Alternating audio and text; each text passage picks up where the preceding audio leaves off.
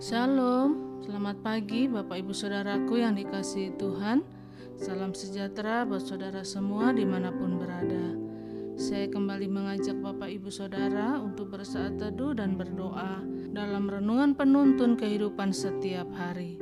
Kiranya damai sejahtera dan sukacita oleh roh kudus Senantiasa melimpah dalam hati dan kehidupan kita semua. Tema renungan penuntun kita hari ini Perjuangan Ayat bacaan kita terdapat di dalam Filipi 4 ayat 2 dan 3 demikian bunyi firman Tuhan. Eudia kunasihati dan Sintike kunasihati supaya sehati sepikir dalam Tuhan. Bahkan kuminta kepadamu juga, Sun Sugos temanku yang setia, tolonglah mereka, karena mereka telah berjuang dengan aku dalam pekabaran Injil bersama-sama dengan Clemens dan kawan-kawanku sekerja yang lain yang nama-namanya tercantum dalam kitab kehidupan.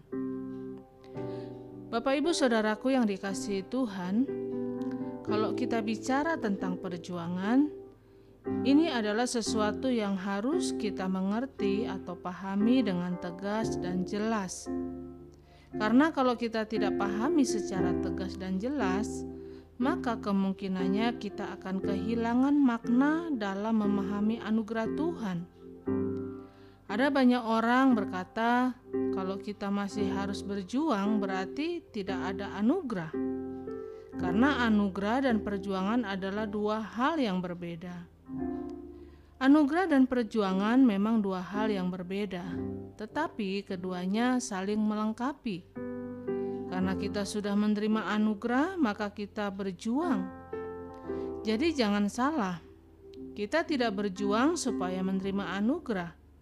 Kita tidak berjuang supaya menerima kemenangan, tetapi karena anugerah kemenangan sudah dirancangkan Tuhan, karena anugerah keberhasilan sudah disediakan Tuhan, maka kita perlu berjuang untuk mempertahankannya kita perlu berjuang supaya tidak tertipu oleh muslihat iblis sampai kita dapat mencapai target yang sudah Bapak sediakan bagi kita yang percaya.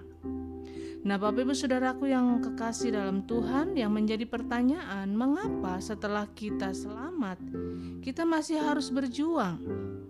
Dari ayat bacaan kita hari ini kita mau belajar dari Paulus. Kita harus tetap berjuang karena kita memiliki musuh yang selalu ingin menundukkan kita. Tahukah kita bahwa setan tidak pernah menyerah? Makanya Alkitab berkata lawanmu si iblis berkeliling mencari orang yang dapat ditelannya. Iblis tahu bahwa dia tidak punya kuasa. Karena iblis tahu bahwa roh yang ada di dalam kita lebih besar daripada roh yang ada di dalam dunia ini tetapi dia ingin sekali untuk menundukkan kita dengan berbagai cara sampai dia menemukan titik kelemahan kita. Karena itu, kita harus tetap berjuang, karena hidup ini adalah perjuangan. Berjuang untuk mempertahankan iman kita, berjuang untuk mempertahankan kekudusan kita. Dan yang kedua, mengapa setelah kita selamat, kita harus masih tetap berjuang? Yaitu karena kita masih diuji oleh keinginan daging kita. Alkitab berkata, "Roh memang penurut, tetapi daging lemah."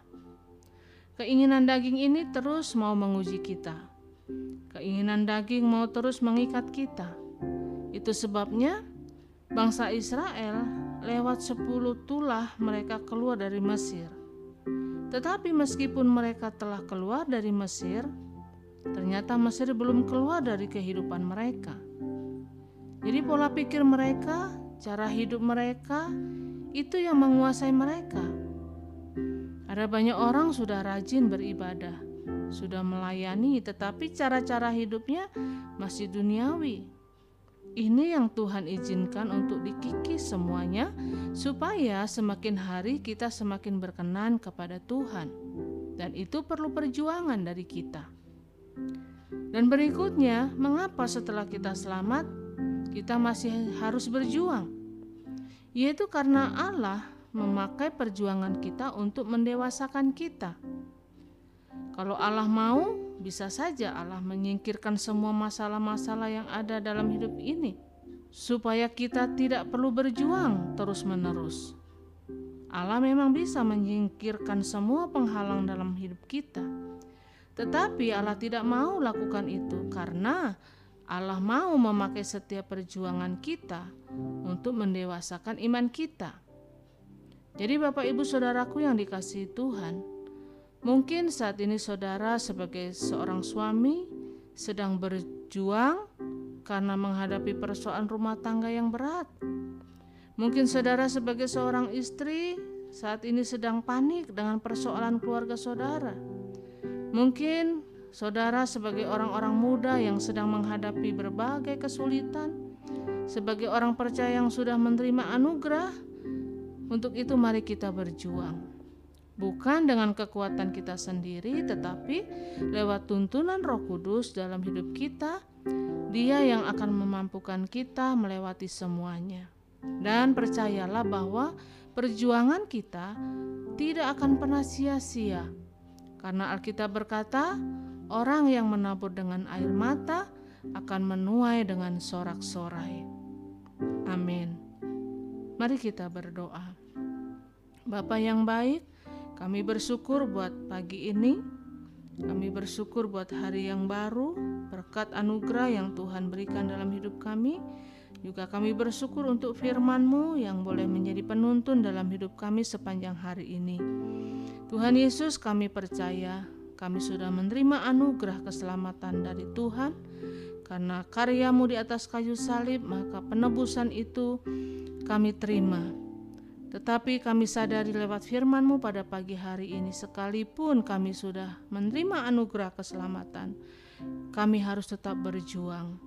Yaitu berjuang untuk menundukkan diri kami, berjuang untuk mengalahkan segala keinginan daging kami, berjuang untuk senantiasa semakin mendewasakan iman kami Tuhan. Karena itu mampukan kami ya Bapa untuk kami dapat melewati setiap proses perjuangan iman kami dan kami boleh semakin hari semakin disempurnakan untuk menjadi alat di dalam tangan Tuhan. Terpujilah namamu Bapa di surga, di dalam nama Tuhan Yesus Kristus kami berdoa dan mengucap syukur. Haleluya. Amin. Kiranya berkat yang sempurna dari Allah Bapa kita, kasih karunia dari Tuhan Yesus Kristus dan persekutuan yang indah dengan Roh Kudus menyertai kita semua dari sekarang ini dan sampai selama-lamanya. Maju terus dalam tuntunan Tuhan, tetap semangat.